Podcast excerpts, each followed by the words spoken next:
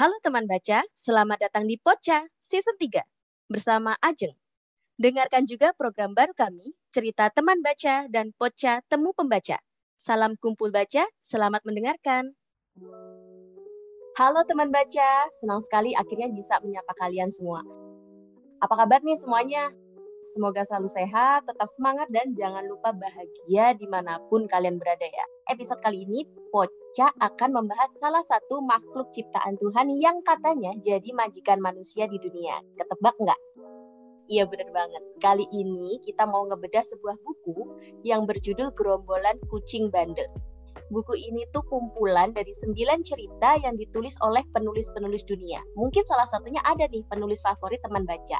Ada Edith Nesbit dengan Maurice Menjelma Kucing, Sir Arthur Conan Doyle dengan Kucing Brasil, Edgar Allan Poe dengan Kucing Hitam, Fritz Leiber dengan Gumit si Kucing Super, Angela Carter dengan Kucing Bersepatu Boot, Rudyard Kipling dengan si kucing yang berkelana sendirian, Italo Calvino dengan gerombolan kucing bandel, Hector Hook Munro atau biasa dipanggil dengan Saki dengan Topir Mori, dan Ursula Le Guin dengan kucing Schrodinger.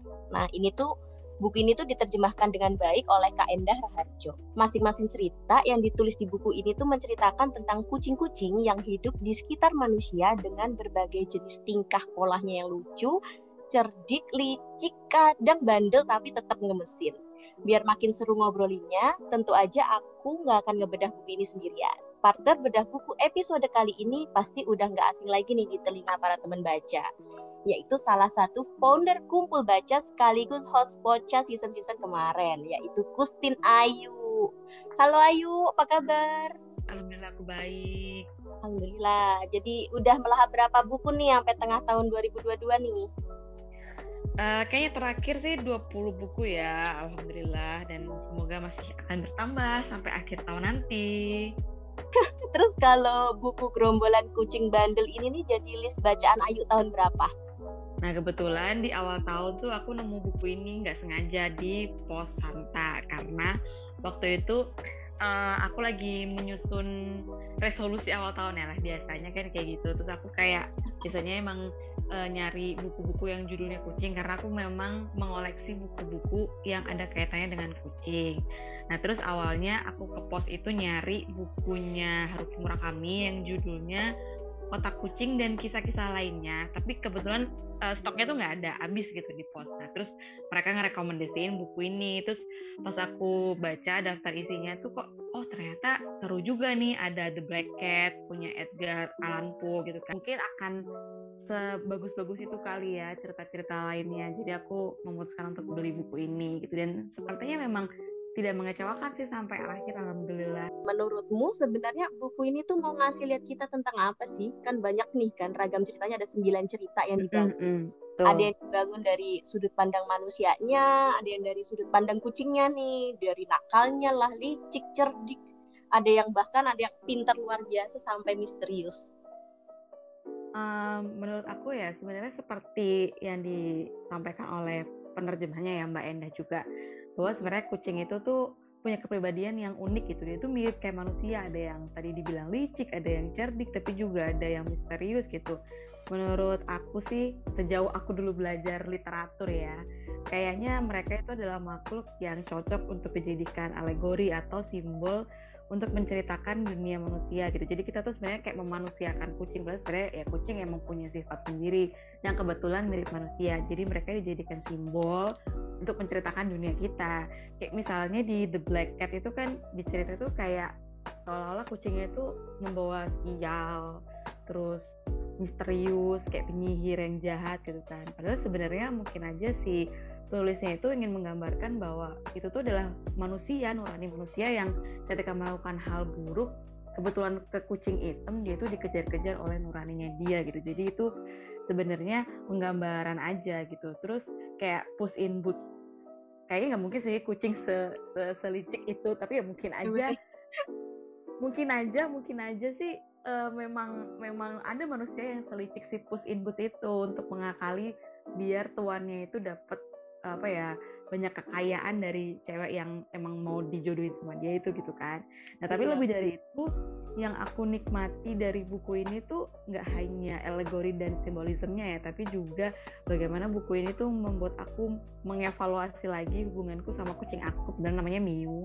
Ya misalnya kayak bertanya lagi gitu, apakah selama ini aku sudah memperlakukan dia cukup baik sebagai kucing dan apa ya yang punya kucing bukan kucing dan majikan nih kebetulan karena aku dan dia punya hubungan yang uh, apa ya setara tidak ada majikan dan juga budak gitu kan. Jadi berteman kali ya sahabat ya, ya? berteman berteman aja nggak ada budak dalam hubungan kita berdua gitu. Jadi misalnya nanti tiba-tiba si Miu ini bisa ngomong apakah dia akan menguak aib-aibku gitu? Ya aku tidak tahu juga ya tapi sepertinya sih ketika dia nanti bisa ngomong ya udah nggak apa-apa dia juga dia juga kayaknya sih kayaknya sih akan tidak akan menguak aib-aibku seperti si Tubermori yang ternyata ketika dia bisa ngomong dia bisa menguak uh, apa namanya aib-aib dari orang di sekitar dia. Mungkin karena sebenarnya dia tidak diperlakukan baik dengan tuan yang mungkin ya. Tapi ngeri juga sih kalau kucing-kucing ini ternyata pada bisa ngomong. Mungkin mereka bisa ngomong tapi kita nggak ngerti aja bahasanya atau mereka menyembunyikan diri bahwa mereka sebenarnya bisa ngomong gitu. Biar nggak ketahuan bener.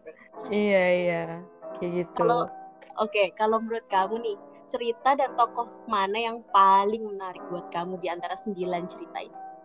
Iya, jadi dari sembilan cerita itu sebenarnya semuanya tuh benar-benar punya karakter yang beda-beda. Nggak ada satu satu tokoh pun yang sama dengan tokoh lainnya gitu kan mungkin mereka beda-beda dari uh, negara yang beda dan penulis yang beda kali ya jadi menurutku semuanya menarik tapi yang paling berkesan menurut aku sampai sekarang tentu saja yang pertama itu ya si kucing hitam itu karena saking misteriusnya dan mungkin salah satu cerita kucing yang paling dark banget, paling gelap banget, tidak ada kecerahan sekalipun dalam cerita itu gitu kan. Kayaknya si si uh, the dark eh, the dark cat, the black cat ya, the black cat itu yang pertama. Terus yang kedua ya Puss in Boots karena sebenarnya Puss in Boots yang origin story ternyata tuh lebih dark juga sebenarnya daripada yang kita tonton di TV gitu kan. Ya kucing koneng yang rese, tapi menghibur banget. Terus yang terakhir mungkin si Tubermori itu yang dia bisa bicara. Dan ternyata ketika sudah bisa bicara manusia jadi jatuh ke kucing gitu. Nggak nggak selovely selama ini yang kita lakukan ketika kita nggak tahu ketika kucing bisa bicara. Ya mungkin itulah alasan kucing nggak apa ya me menguak menguak identitas asli mereka kalau mereka bisa ngomong gitu. Nah, uh, kalau dilihat dari segi bahasanya nih yuk, Mm-mm. Sebagai anak sastra nih ya kita berdua. Waduh. Waduh, seperti layaknya karya-karya terjemahan nih. Biasa kan mm-hmm. kalau karya terjemahan kita suka susah untuk mengerti kan. Mm-hmm. Kosakata atau kalimat-kalimatnya di buku ini emang sangat-sangat sulit dicerna buat aku. Sampai aku berkali-kali harus harus googling apa ini maksudnya Iya iya iya iya. Tapi menurutku nih si Kaendang Raharjo si penerjemah ini nih berhasil menerjemahkan dan mengemas buku ini tuh untuk tetap bisa kita nikmati dengan baik. Kalau menurut kamu gimana? Iya aku setuju banget sama Mbak Ajeng karena dulu waktu aku masih ingat banget waktu di pelajaran literatur itu kebetulan aku juga dapat tugas untuk menganalisis The Black Cat dan aku nggak ngerti bahasanya. Si Edgar Allan Poe ini kan pakai bahasa-bahasa arkaik ya alias kalau yeah. teman-teman yang nggak di sastra mungkin taunya bahasa lama yang sekarang tuh udah hampir punah gitu kan. Karena emang nggak dipakai yeah. lagi bahasa itu gitu kan. Itu sangat susah jadi harus googling harus lihat ke Oxford gitu kan. Jadi itu sangat PR ya untuk kita yang nggak memakai bahasa Inggris gitu Nah, tapi memang di di di apa namanya buku ini kan semua cerpen-cerpennya tuh termasuk karya-karya klasik ya. Jadi wajar mereka pakai bahasa-bahasa yang lama gitu. Tidak mudah juga untuk menerjemahkan bahasa yang lama yang udah nggak dipakai ke bahasa yang sekarang populer gitu.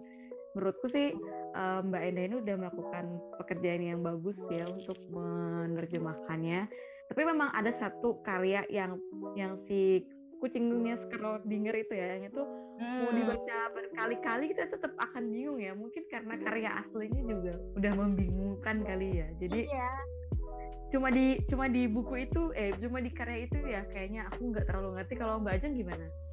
Kalau aku sama aku sangat susah memahami yang kucingnya Schrodinger mungkin secara alur cerita oh iya si kucing masuk dalam kotak gitu tapi iya. harus dibaca berkali-kali mau googling mau apa. Kok kayak aku nggak nyambung apa karena aku nggak pinter fisika kuantum atau gimana? Bener bener bener. Aku juga kepikiran gitu. Mungkin karena kita anak IP, bukan anak IPA kita anak sastra terus disuruh mengerti Schrödinger yang dengan kuantum kuantumnya jadi kayak eh, let's ya, skip to the kurang, good part aja. kurang, kurang relate kali ya. Iya iya betul. baca yang uh, bergelut di bidang sains bisa lebih relate dengan cerita kucing Schrodinger. Benar, benar, benar, benar. Setuju, setuju.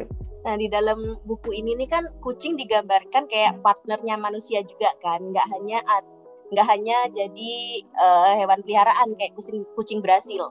Kalau menurut mm sebagai orang yang sahabat kucing tadi, mereka itu sahabat atau peliharaan atau kamu sebenarnya diperbudak nih tanpa kamu tahu. Nih, nih kalau ah baca, udah jadi followers di Instagramnya Kustin Ayu, pasti udah akrab banget sama story-story kucing di Instagramnya, termasuk si Miu ya. Iya, jadi aku tuh memang punya dua kucing. Yang satu kucingnya suami aku, namanya Bawel. Nah dia bawel banget. Terus satu lagi kucing aku yang namanya Miu. Kalau Bawel ini dia memang tipikal kucing yang peliharaan banget sih. Maksudnya dia bener-bener nurut, disuruh apa pun dia nurut gitu kan. Mm -hmm. uh, Sebenarnya kalau aku ngelihat ya kucing itu tuh kayak pantulan dari pemiliknya. Jadi kalau pemiliknya tuh princess kayak aku dan Miu tuh sama-sama princess. Nggak ada budak di antara kita berdua yang budaknya adalah suami aku sepertinya. Karena kita berdua itu sama-sama nggak mau disuruh sama-sama saya dia lapar nih ya udah jangan minta makan ke gue gitu. Meskipun kalau dia minta dilus-lus mungkin aku mau gitu kan. Dia itu adalah kucing jalanan. Jadi dia sebenarnya bisa cari makan sendiri tapi karena uh, kita udah pelihara jadi kita mau beri, beri dia makanan yang lebih apa ya lebih sehat kali ya lebih bersih lebih oh. hygiene gitu kan karena di rumahku juga ada bayi jadi kita juga groom dia gitu gitu jadi kalau aku sih ngelihatnya sebenarnya kucing itu lebih ke pantulan pantulan dari pemiliknya gitu. Dan kalau kita nganggap dia emang keluarga ya dia akan treat kita sebagai keluarga dia gitu. Contoh simpelnya yang so sweet banget yang dilakukan Miu dulu sama aku tuh adalah ketika aku tuh hamil kan orang hamil yang namanya orang hamil pasti sering ke toilet nggak sih? Sering pipis tengah malam. Terus suami aku pasti tidur dong so pasti tengah malam gitu kan. Nggak aku nggak berani ke toilet sendiri karena kata orang kan iya kalau hamil pertama itu uh, disukain banget sama setan kayak gitu kan. Oh, aku, okay. jadi, aku, aku jadi takut ke kamar mandi sendiri. Nah, si Miu itu kayak naturally dia selalu nemenin aku ke toilet. Nggak peduli berapa kali pun dia uh, harus bangun tidur harus bangun tidur. Tapi dia tetap nemenin aku ke toilet. Itu yang paling so sweet sih yang dia selalu oh. nemenin aku. Kayak dia dia tuh kayak apa ya paham gitu kalau aku butuh ditemenin. Kalau aku lagi sedih dia juga menghibur. Jadi kayak bener-bener teman kayak bener-bener keluarga banget. Jadi sampai sekarang tuh dia juga masih tidur sama aku sama anak aku sama suami aku di dalam satu kamar gitu. Oke. Okay. nah setelah baca satu buku sampai selesai kan biasanya kita tuh pengen kayak melakukan aksi atau mungkin terinspirasi kali ya lebih tepatnya dari buku tersebut. Kalau buku ini tuh kayak bikin orang jadi ingin pelihara hewan peliharaan gak sih? Kayak aku tadi jadi pengen punya kucing nih di rumah tapi hmm. masih maju mundur gitu atau kayak mungkin hewan peliharaan yang lain kali tapi pernah dengar ada ahli yang menyebutkan kalau memang memelihara hewan peliharaan itu punya manfaat besar buat kesehatan mental. Iya itu itu benar banget sih kalau aku lagi ngerasa kesepian gitu kan aku biasanya ajak Miu ke dalam kamar terus kayak ya udah ngobrol aja gitu sama dia kayak orang kayak orang apa ya orang lagi kesurupan ngomong sama kucing tapi it helps gitu karena kita ada sesuatu yang kita curahi kasih sayang. Jadi meskipun banyak banget rumor di luar sana yang bilang kalau pelihara kucing itu eh, nggak uh, baik buat cewek misalnya ya atau apa gitu kan tapi asalkan kita selalu ngejaga kebersihan kucing terus ngejaga kebersihan kandangnya juga lingkungannya sehat kucingnya sehat bersih gitu kan itu aman-aman aja. Dan kamu udah buktiin itu? Yes tuh sekali teman-teman jadi itu ada penelitian dari seorang dosen ilmu kesehatan di University of South Australia, namanya Janet Young, yang menyatakan bahwa 90% orang itu merasa bahwa disentuh atau menyentuh hewan peliharaan itu dapat menghilangkan rasa sedih, tertekan atau bahkan trauma. Wow. Apalagi kayak masa pandemi dua tahun ini kan banyak orang kehilangan, banyak orang terpisah, nggak bisa interaksi secara langsung sama keluarga sama teman-temannya, atau bahkan kayak yang tinggal sendiri emang bener-bener jadi sendiri gitu, jadi yang awalnya rame jadi sendiri. Terus jadi hewan peliharaan ini itu membantu manusia banget di masa pandemi ini untuk menghilangkan kesepian atau hmm. apa ya kayak menumbuhkan rasa diterima kali ya di jiwa manusia. Ya ya ya ya. Jadi aku tuh pernah pernah ada satu cerita. Dulu aku punya punya kura-kura namanya Rafael, biasa dipanggil Rara. Cowok apa cewek sih Rafael ini? Uh, karena itu kura-kura aku jadi nggak tahu beda. uh, karena mungkin apa ya berasa punya teman baru kali ya. Jadi tiap kali tiap hari ada sesuatu terjadi di tubuh di diri aku gitu, aku cerita nih sama si kura-kura. Ngobrol sendiri aku bawa akuariumnya ke kamar. Aku ngobrol sama dia aku ceritain ke dia. Aku ngerasa nyaman kali ya ngobrol sama kura-kura itu nggak ngerasa dijudge. Ada nggak sih pengalaman hewan peliharaan kayak gitu selain nama Miu gitu mungkin? Hmm, kayaknya ada ya. Kayaknya kita juga pernah ngobrolin ini ya kayak waktu itu. Jadi pas waktu di kuliah kali ya masa-masa banyak perkara cinta yang tidak usai Ellen. Ah ya benar. Galau banget asli dan aku memang uh, ada kayak kisah cinta yang mungkin kalau didengerin sama teman-teman manusia aku dia bakal kayak ah kan lu udah gue kasih tahu nggak percaya jadi kayak aku lagi nggak pengen dengar kata-kata itu jadi aku lebih sering ceritanya sama kucing sebenarnya bukan kucing aku juga sih kayak kucing di kosan yang datang dan pergi sesuka dia kayak gitu loh. Tapi dia emang suka datang ke kosan aku. Jadi ketika aku lagi galau terus kayak sendirian terus kucing itu tuh datang terus kayak duduk ngeliatin doang. Jadi aku ngobrol aja tuh sama kucing itu gitu kan. Jadi ya cerita aja cerita ke dia kayak ngerasa lebih enteng aja setelah cerita ke dia. Karena gue emang cuman butuh didengerin nggak butuh jawaban atau nggak butuh dinasehatin gitu itu bener-bener membantu sih waktu kita butuh seseorang yang dengerin tapi nggak pengen dijudge gitu. Sama sih ya.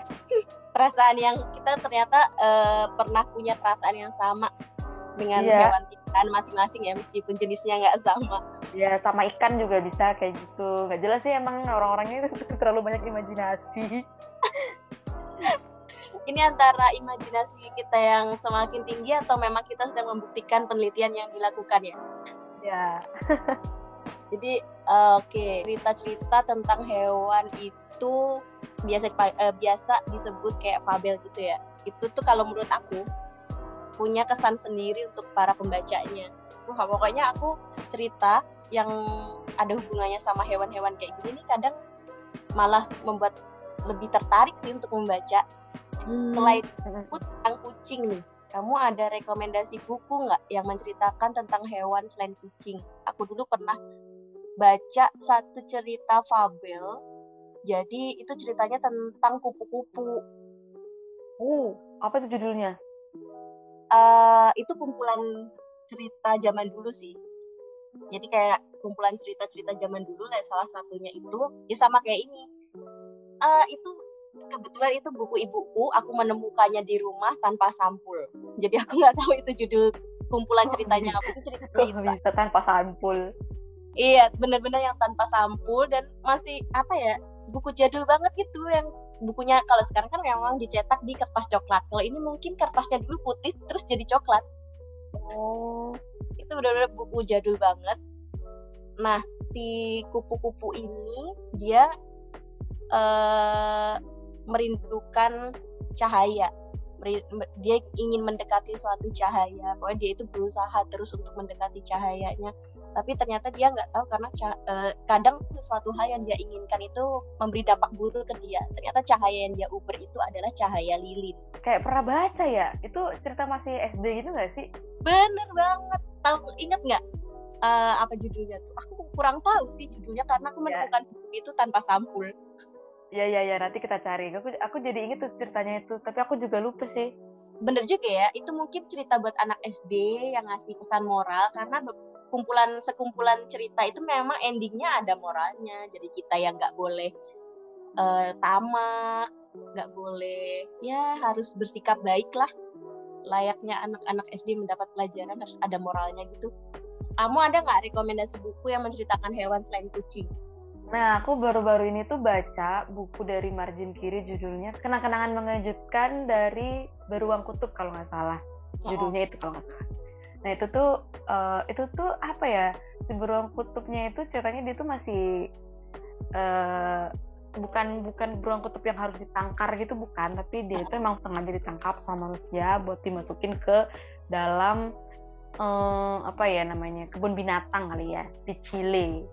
Nah, sama juga kayak cerita-cerita di cerpen ini dia itu sifatnya lebih ke satir sih lebih ke mau mengundang apa ya alegori gitu loh. Jadi dia tuh e, dibuat ketika setelah perang saudara atau apa gitu di Chile. Jadi tentang kebebasan. Orang yang sebenarnya awalnya punya kebebasan digambarkan sebagai beruang. Beruang yang sebenarnya dia bisa bebas tapi dia justru di, dikerangkeng di dalam sebuah kandang terus dia kayak ngerasa dijauhkan dari saudaranya dari habitatnya gitu. Tapi menariknya tuh dia kayak menerima gitu loh menerima bahwa oh ya aku adalah se sebuah makhluk yang di dunia ini di dunia ini aku punya di, ditugaskan jadinya ditugaskan untuk mungkin menghibur anak-anak yang datang ke kandangnya dia menyapa mereka gitu kan dan dia kayak mempertanyakan kembali yang ditanya, yang disebut dengan kebebasan tuh apa gitu. Apakah orang ini dalam kerangkeng itu nggak punya kebebasan sama sekali atau sebenarnya masih bisa bebas kayak gitu itu itu ceritanya sedih sih sebenarnya. Tapi kita jadi kayak mikir gitu loh selama ini kan kita juga ngelihat hewan-hewan di di kebun binatang kan. Kita hmm. nggak tahu hewan itu tuh emang perlu dikandangin maksudnya karena mungkin jumlahnya dia sedikit atau mungkin dia sendiri lahir di penangkaran sehingga kalau dilepas ke alam bebas dia malah justru meninggal. Kan ada kan hewan-hewan kayak gitu. Iya iya benar. Nah jadi kita kayak kayak mikir lagi gitu. Kalau ke kebun binatang tuh lebih ke kasihan atau lebih ke apa ya terhibur atau apa sih harusnya perasaan yang kita miliki gitu. Dan hewan-hewan ini tuh seneng gak sih sebenarnya di dalam di dalam situ tuh mereka ngerasa bebas nggak sih? Mereka merasa terbantu nggak sih dengan berada di situ? Kayak lebih membuat aku mikir gitu gitu. Jadi sangat berkesan sih tapi memang agak filosofis aja. Tapi tipis banget bukunya tipis banget. Kayak kira-kira nggak ada kayaknya 100 halaman tapi sangat thoughtful gitu bukunya. Jadi kayak menggambarkan manusia banget ya? Kita hidup yeah. dengan masing gitu. Apakah hmm. kita harus kasihan satu sama lain atau merasa ya emang udah jalannya kayak gitu. Iya iya iya benar. Apakah itu emang udah garis hidup dia sebagai binatang masuk ke kebun oh. binatang untuk dilihat gitu.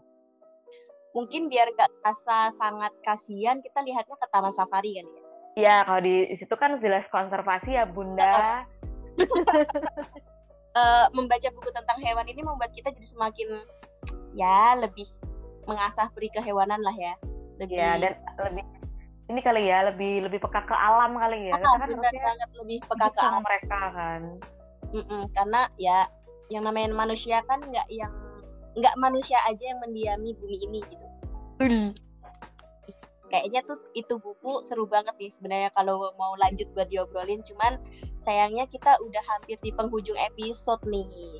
Sebelum bener-bener selesai nih episodenya, satu pertanyaan wajib untuk narasumber pocak Wow. Apa yang membuat sosok Ayu jadi suka membaca buku? Hmm, sebenarnya ini tuh pertanyaan yang sering aku kasih ke tamu-tamu poca ya. Jadi dan aku juga suka. Kan? uh, dan aku juga suka ngasih contoh gitu loh. Kalau aku tuh suka ini kak, gitu kan biasanya. Nah, jadi mungkin teman-teman mungkin udah pada tahu buku buku uh, yang buat aku suka baca dulu tuh Harry Potter. Nah tapi uh, kayaknya aku mau merekomendasikan salah satu buku yang uh, aku suka baca ketika aku masih SMA dan itu membuat aku tuh ber, berpindah dari buku fantasy ke mm-hmm. drama ke percintaan gitu. Itu sebenarnya judulnya ini sebenarnya harusnya udah sangat-sangat familiar ya terutama teman-teman yang mungkin suka baca teen lit mm-hmm. uh, judulnya ini tuh berhubungan dengan musim dan juga nama-nama kota. Ya bisa tebak nggak apa pasti ketebak nih teman baca yeah. apalagi era-era kita sekolah ya yuk Ya betul, ini tuh buku lama sih, buku 2000-an kayaknya judulnya tuh. Dia itu satu box set itu ada empat ya kan, karena musim ada empat ya, ada summer, winter, autumn, sama spring. Nah ya udah ada yang summer in Seoul, ada Winter in Tokyo, Autumn in Paris, Spring in London gitu. Itu karyanya Ilanatan dan aku tuh dulu sempet nangis gara-gara baca yang Autumn in Paris. Itu emang juara banget sih gitu. Tapi belum difilmin. Padahal si Sunshine Becomes You itu udah difilmin.